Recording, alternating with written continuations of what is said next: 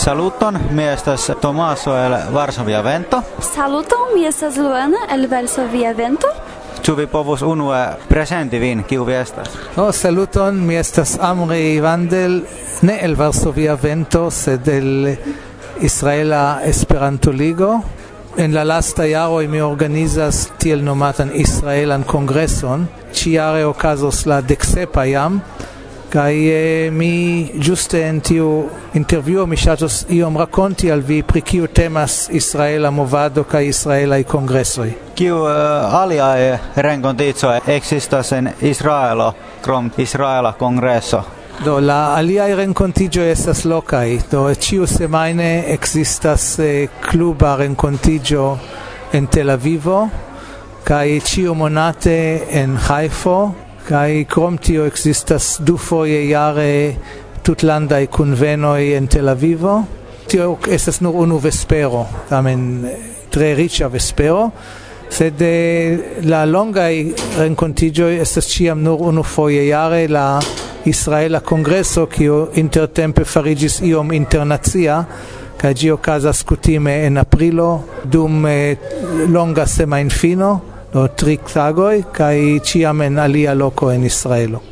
Ĉu uh, la Asia Kongreso uh, okazas ofte en Israelo kaj kiaj uh, ekskursoj vi kutime havas kiam vi havas esperantistoj el aliaj landoj? Ja, do, ti estas bona demando, char giuste pritio interesas rakonti la Asia Kongreso fakte estas ciun trian jaron gi okazas en alia Asia lando, kai unua foje gi okazis en Israelo en eh, 2013 en Jerusalemo. Kai tiam gi estis kvin taga, iom pli longa o la kutima Israela kongreso, kai gi havis plurajn ekskursojn dum la kongreso, exemple al Jerusalemo kai en la regiono de Jerusalemo kai antau congresso estis eh, excurso en la Galileo. Ti es la norda provinco de Israelo uno e la ple interessa i loco tie estas la urbo Haifo ki existas la monda templo de la Baanoi kai la alia interessa loco estas la urbo Nazareto kie la la Biblio oni anoncis al Maria la nascigion de Jesuo kaj tial estas multaj sanktaj loco por la cristianismo en la urbo Nazareto kaj en la apuda regiono kie vivis Jesuo la lago de Galileo. Kaj eh, poste ni faras la dum kongresa en ekskurson kien mi diras ĉiare la kongreso okazos en Jafo, ki estas antikva urbo apud Tel Avivo, kaj la ekskurso estos ĉefe en Jafo. sed la play interesa kai play longa excurso estas la post congressa excurso kiu uciam ocasas tui post la Israela Congresso kai ciam iras alla morta maro cia regi anca iros al Jerusalemo kai poste alla deserto en la sudo de Israelo alla urbo Eilat kio estas ce la Rugia maro kai alla Nabatea templo Petra la Rugia Rocco kio estas en Jordanio sed anca proxime de Eilat tre interesse, tio esas vere tre tre mojose. Mi ankaŭ volas partopreni iam kiel aktiva estas la Esperanta movado en Israelo. Do la Esperanta movado ekzistis en Israelo jam de la comenzo de la dudeka jarcento. Do la unua informo kio ni havas estas ke iu pastro komencis en eh, 1909 Esperanto propagandon en Israelo en Jerusalemo Poste en la tridecae okazis la unua Palestina Esperanto Kongreso, en kiu partoprenis esperantisto ne nur de Palestino tiam, sed ankaŭ de apudaj landoj kiel Egiptio, Libano, kaj vere estis belaj rilatoj.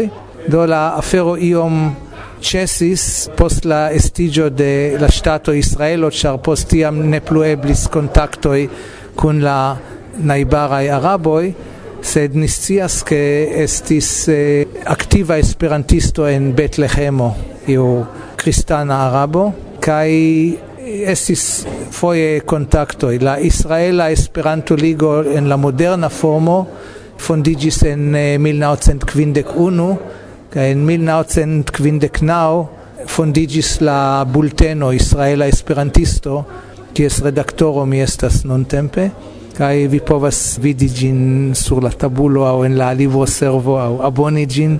Fakte ni havas multa en brazila en abonanton al tiu gazeto. Do la movado iom progresis. Cis la jaro 1967 kiam UEA consentis fari congresson en Israelo. Sed bedaurinde tio congresso ne okazis char pro la milito UEA decidis translocigi gin al Rotterdamo, kai nur 33 tri jaroin poste, en la jaro 2000, ue adenove consentis fari congresson en Israelo, kai okazis universala congresso en Tel Avivo, kiu cifoje estis eh, successa, kai eh, tio donis grandan pushon alla movado en Israelo, fakte jam antaue en la jaro okdek okazis ioko en Israelo kai poste de nove okazis io en Israelo en la jaro 2003 sam jare kun la sepa Asia kongreso kai kiel mi diris nun ni antaŭ vidas al multa i gastoi el eksterlando por la dexepa Israela kongreso en Jafo en aprilo 2016 Ĉu en la Esperanto movado en Israelo existas ankaŭ araba israelanoj? eh, ne multaj, sed eh. Fakte la Internazian junularan Congresson en Nazareto en 2013 gvidis la arabai geunuloi esperantistoj, do ni havas eh, circa kvar aktivajn arabajn esperantisto esperantistojn. Kaj eh, estas pluraj aliaj kiuj ne vivas en Israelo.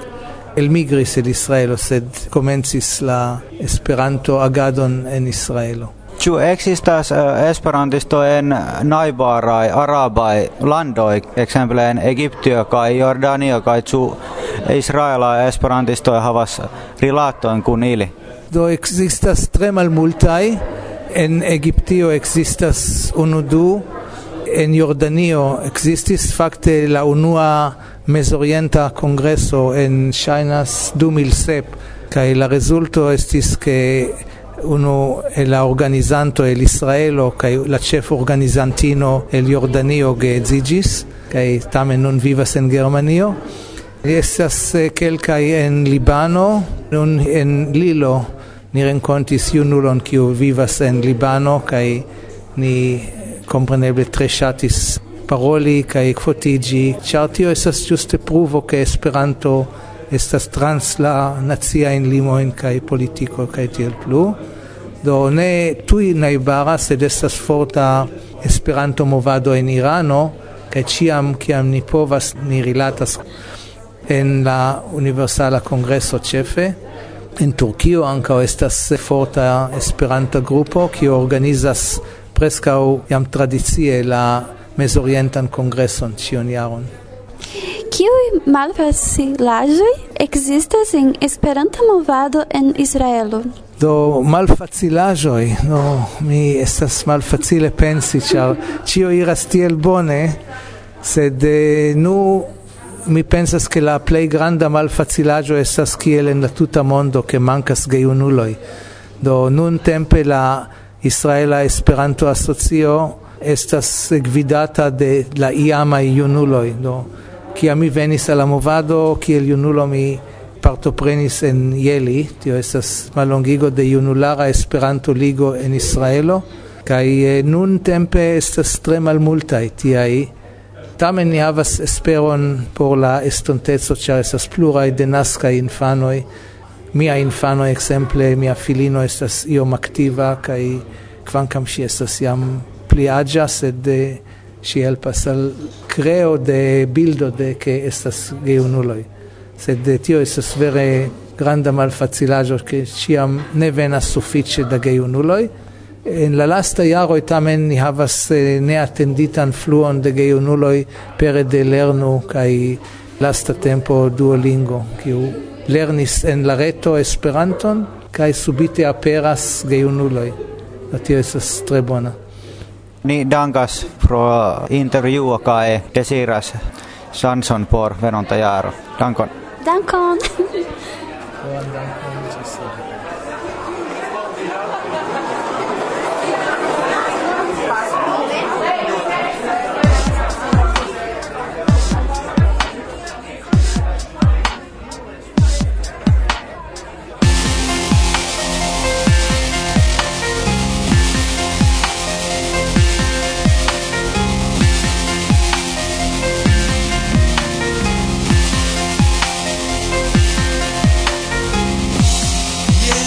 kredo La tago finiĝas ŝi forlasas la borejon Por metroe reveni hejmen Kiel ŝi venas?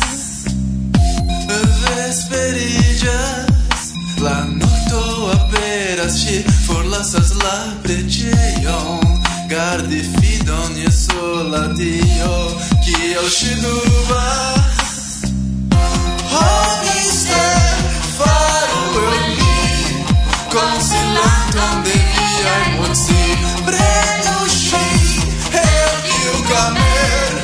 In hora del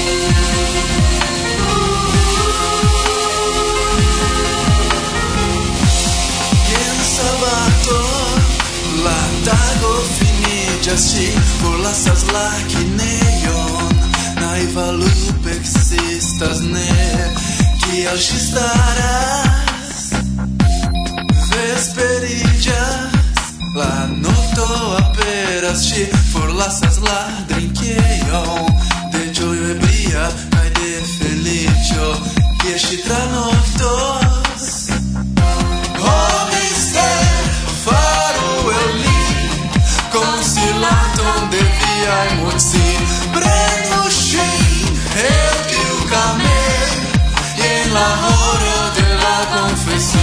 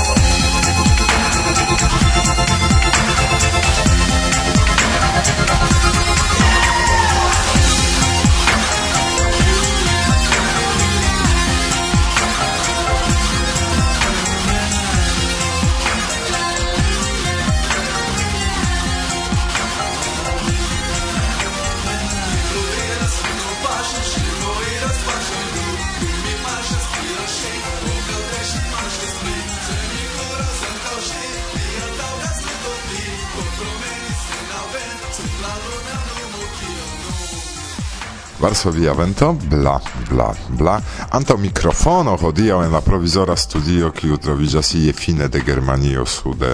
Ne? Istvan Ertl troviĝas.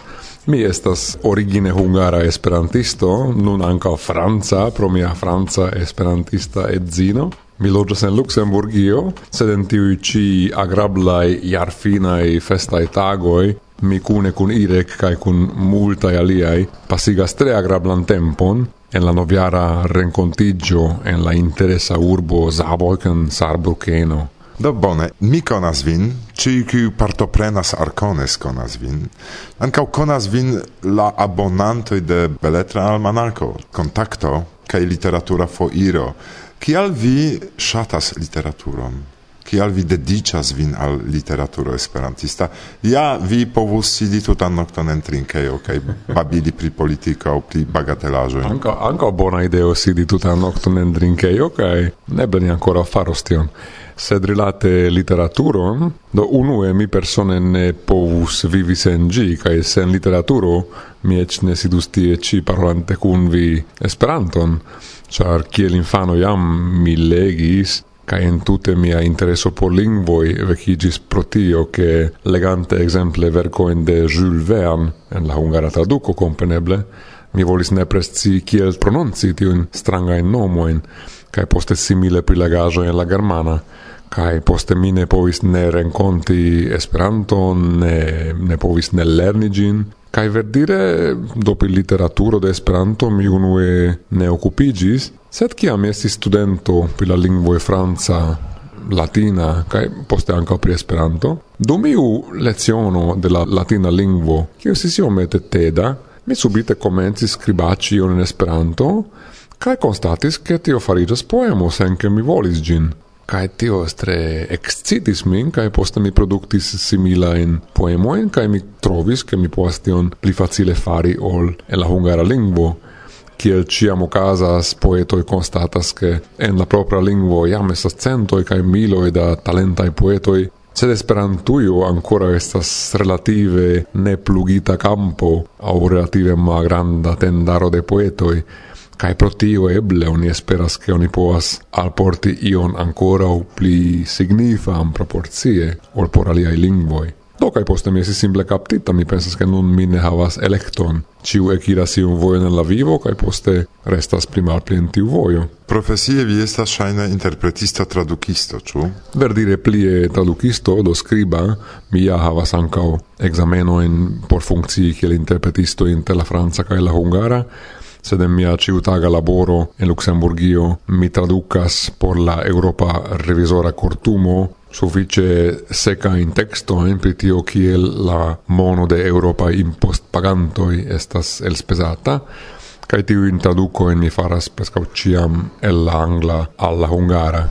Do Esperanto ne havas tia lokon, nek Beletro havas lokon, ili trovas sian lokon en la vesperoi en la frumatenoi kaj en la semainfinoi Porque mm, mh, auscultantoj de Varsovia vento imagu vin necesas menci pri via infanoj parola li parolas Esperanton aŭ ne, ĉu ne, ĉu via edzino parolas Esperanton aŭ ne, ĉu hundo via bojas Esperanton aŭ ne, kato bojas la kato bojas Esperanton.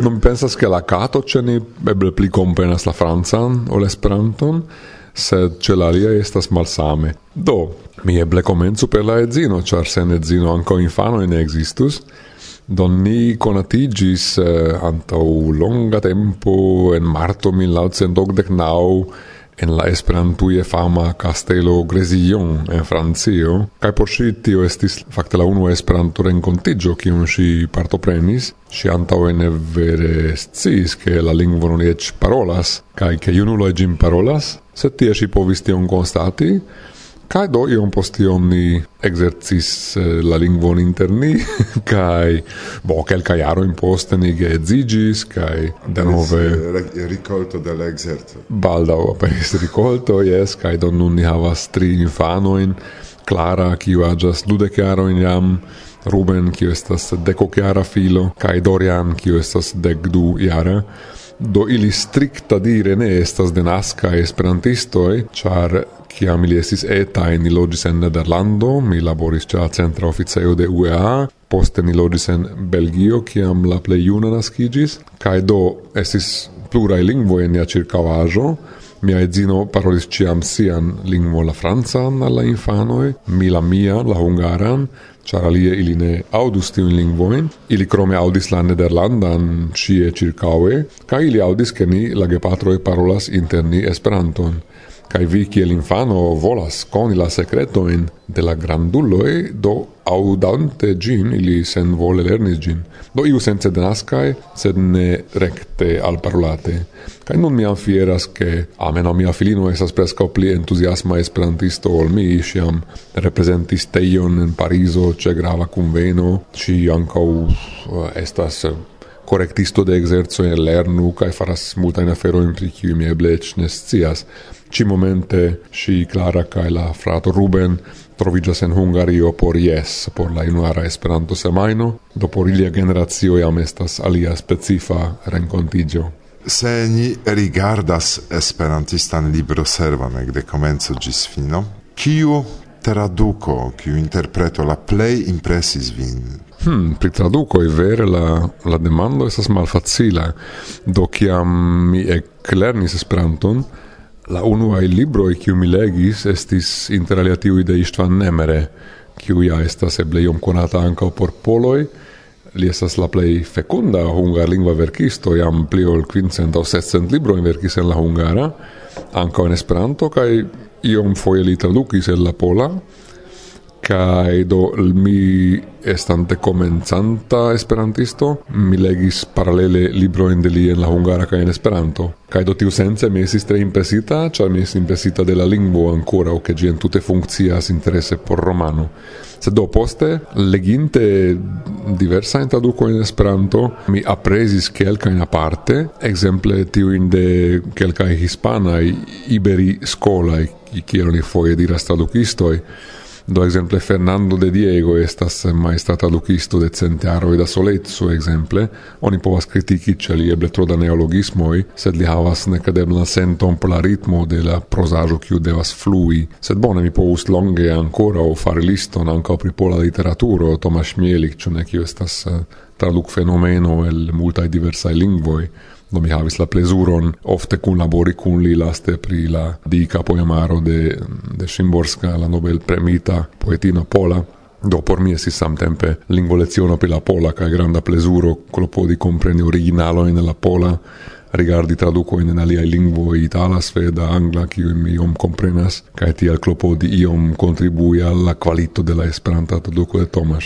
Kaj la originala verko? Originala verko mm, kiu plej impresis min, de, mm, eble dependas iomete de genro, Eble mi elstarigus verkon pri kiu nun anka oni povas legi en la januara numero de revuo Esperanto. Tia aperas longa artikolo de Paolo Viana el Brazilo pri epopeo, rakonto, poemo de Utnova, de Abel Montagut kiu aperis en la jaro 1993, kaj kiu samtempe povas plezurigi amantojn de poezio kaj ŝatantojn de scienca fikcio, kaj eĉ iomete ŝatantojn de mitologio, ĉar estas iu tre interese konstruita rakonto en la tempoj de Noa, tiu kiu savis la bestojn per sia arkeo, sed ĉi tie temas pri kuplado de tiu historio biblia kun rakonto pri eksterteranoj kiuj devas au ne devas interveni en la homan vivon sur la tero. Sed pri tio mi ne racontos pli, char gi esas facte anco streccia kiel stretch romano, kiel crim romano, do oni ne prelegu gin por poesia plesuro, sed anco simple por coni interesegan historion. Do eble mi nur tiun vercon el starigu, char gi estas tre esperantezza, la historio esas tut homara, ĉu ne concernas la tutan homaron tiu racconto el la pravaj tempoi, kai samtempe gi lingve estas belega. Mi malfacile imagas bonan tradukon. La aŭtoro mem tradukis ĝin la katalunan lingvon sed proze. No, jen unu verko kiun oni nepre legu kaj ĝuu Vin, kiu vivas en etoso literatura, kiu circavas vin eble ciu tage, valoras demandi kion vi rekomendus al esperantistoj, kiu ne vere interesiĝas pri literaturo kaj ili havas demandon ja diable kiel legi tion. Do eble mi, eh, mi rekomendus jenon, Do se oni entute ne legas libroin, tiam mi ne tro scias kion rekomendi. Se oni ja legas libroin en sia lingvo kutime, do eble oni serĉu tia speca libro en Esperanto, jo ŝatantoj de krimromanoj trovu siajn krimromanojn en Esperanto, ŝatantoj de amromanoj ankaŭ trovos kelkajn tiajn, oni gustumu kai maniero gustumi sen tui aceti tutan libro nestas legi revuoin. Do specife literatura e revuoi trovigas en Esperantujo literatura foiro vi mencis gin. Mi mem compreble aldonas beletran almanakon kiu mi kun redaktas do exemple beletra almanako kiu aperas tri foje iare sur circa 150-170 pagioi ciu foie, donas tui un grandan electon el prosagioi, poesiagioi, originalae cae traducitai, cae tie oni povas seble constati cion oni plei shatas. Cae do, generale, oni profitu en, en rencontigio rigardi libro servon, cae ne hesiti iom longe electumi, cae fine trovi ion cio povus contentigi la specifan shaton de tiu persono. Kio ni povas eh, diri ĉe fino? Ekzemple saluti viajn ŝatantojn, ĉar mi estas via ŝatanto verdire eh, legante kontakton. Se volas ion tute specifan, efektive oni povas unu flanke mencii tion rubrikon de mia kontakto, kiu estas simple ĉiufoja babilo, verdire kiam mi sidigas por verki gin, mi tute ne scias pri kio mi verkos. Simple kaptas la unuan ideon kaj vidas kien ĝi iros sed mi havas ankaŭ alian rubrikon kaj pri tio mi povus fine fari iun alvokon. Temas pri rubriko en la ondo de Esperanto. Mi kolektas en ĝi presk erarojn. Tio estas eh, kiam en la Esperanta ĉu gazetaro ĉu en la reto mem aperas io misskribita aŭ mispensita kaj io amuza.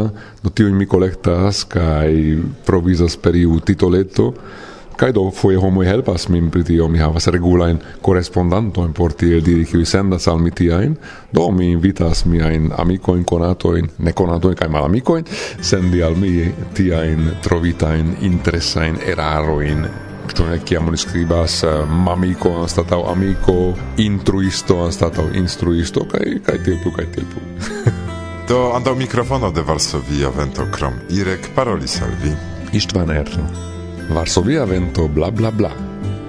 La lumoj de aŭtoj curas tien caere. re, la e susuras su la aŭtoŝoseo, ni e babilas en la cebo cae sang, mi volas paroli, se mutas la la.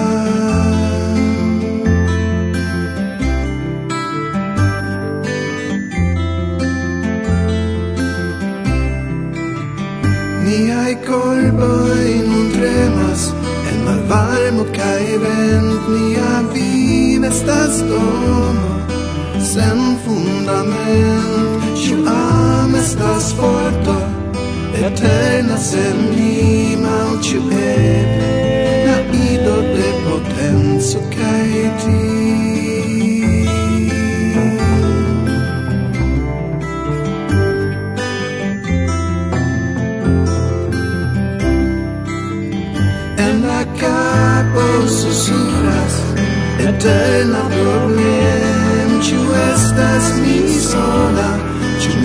estas mi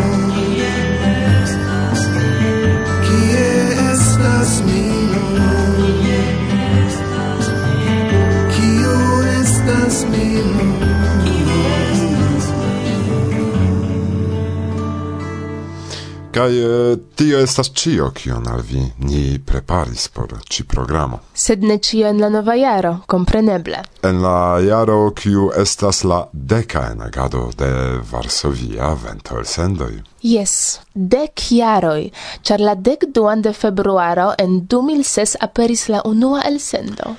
Kaj tiam en la mondon venis nova sento. Varsovia vento. Bla bla bla. Do, carai, eta jubileo en la venonta programo. Kai eh, nun anoncita speciala concerto de Jean-Marc kai Natasha. Al kiu invitas vin core, Irek, Kai Martusia. bonan auscultadon. Bla bla. Bla.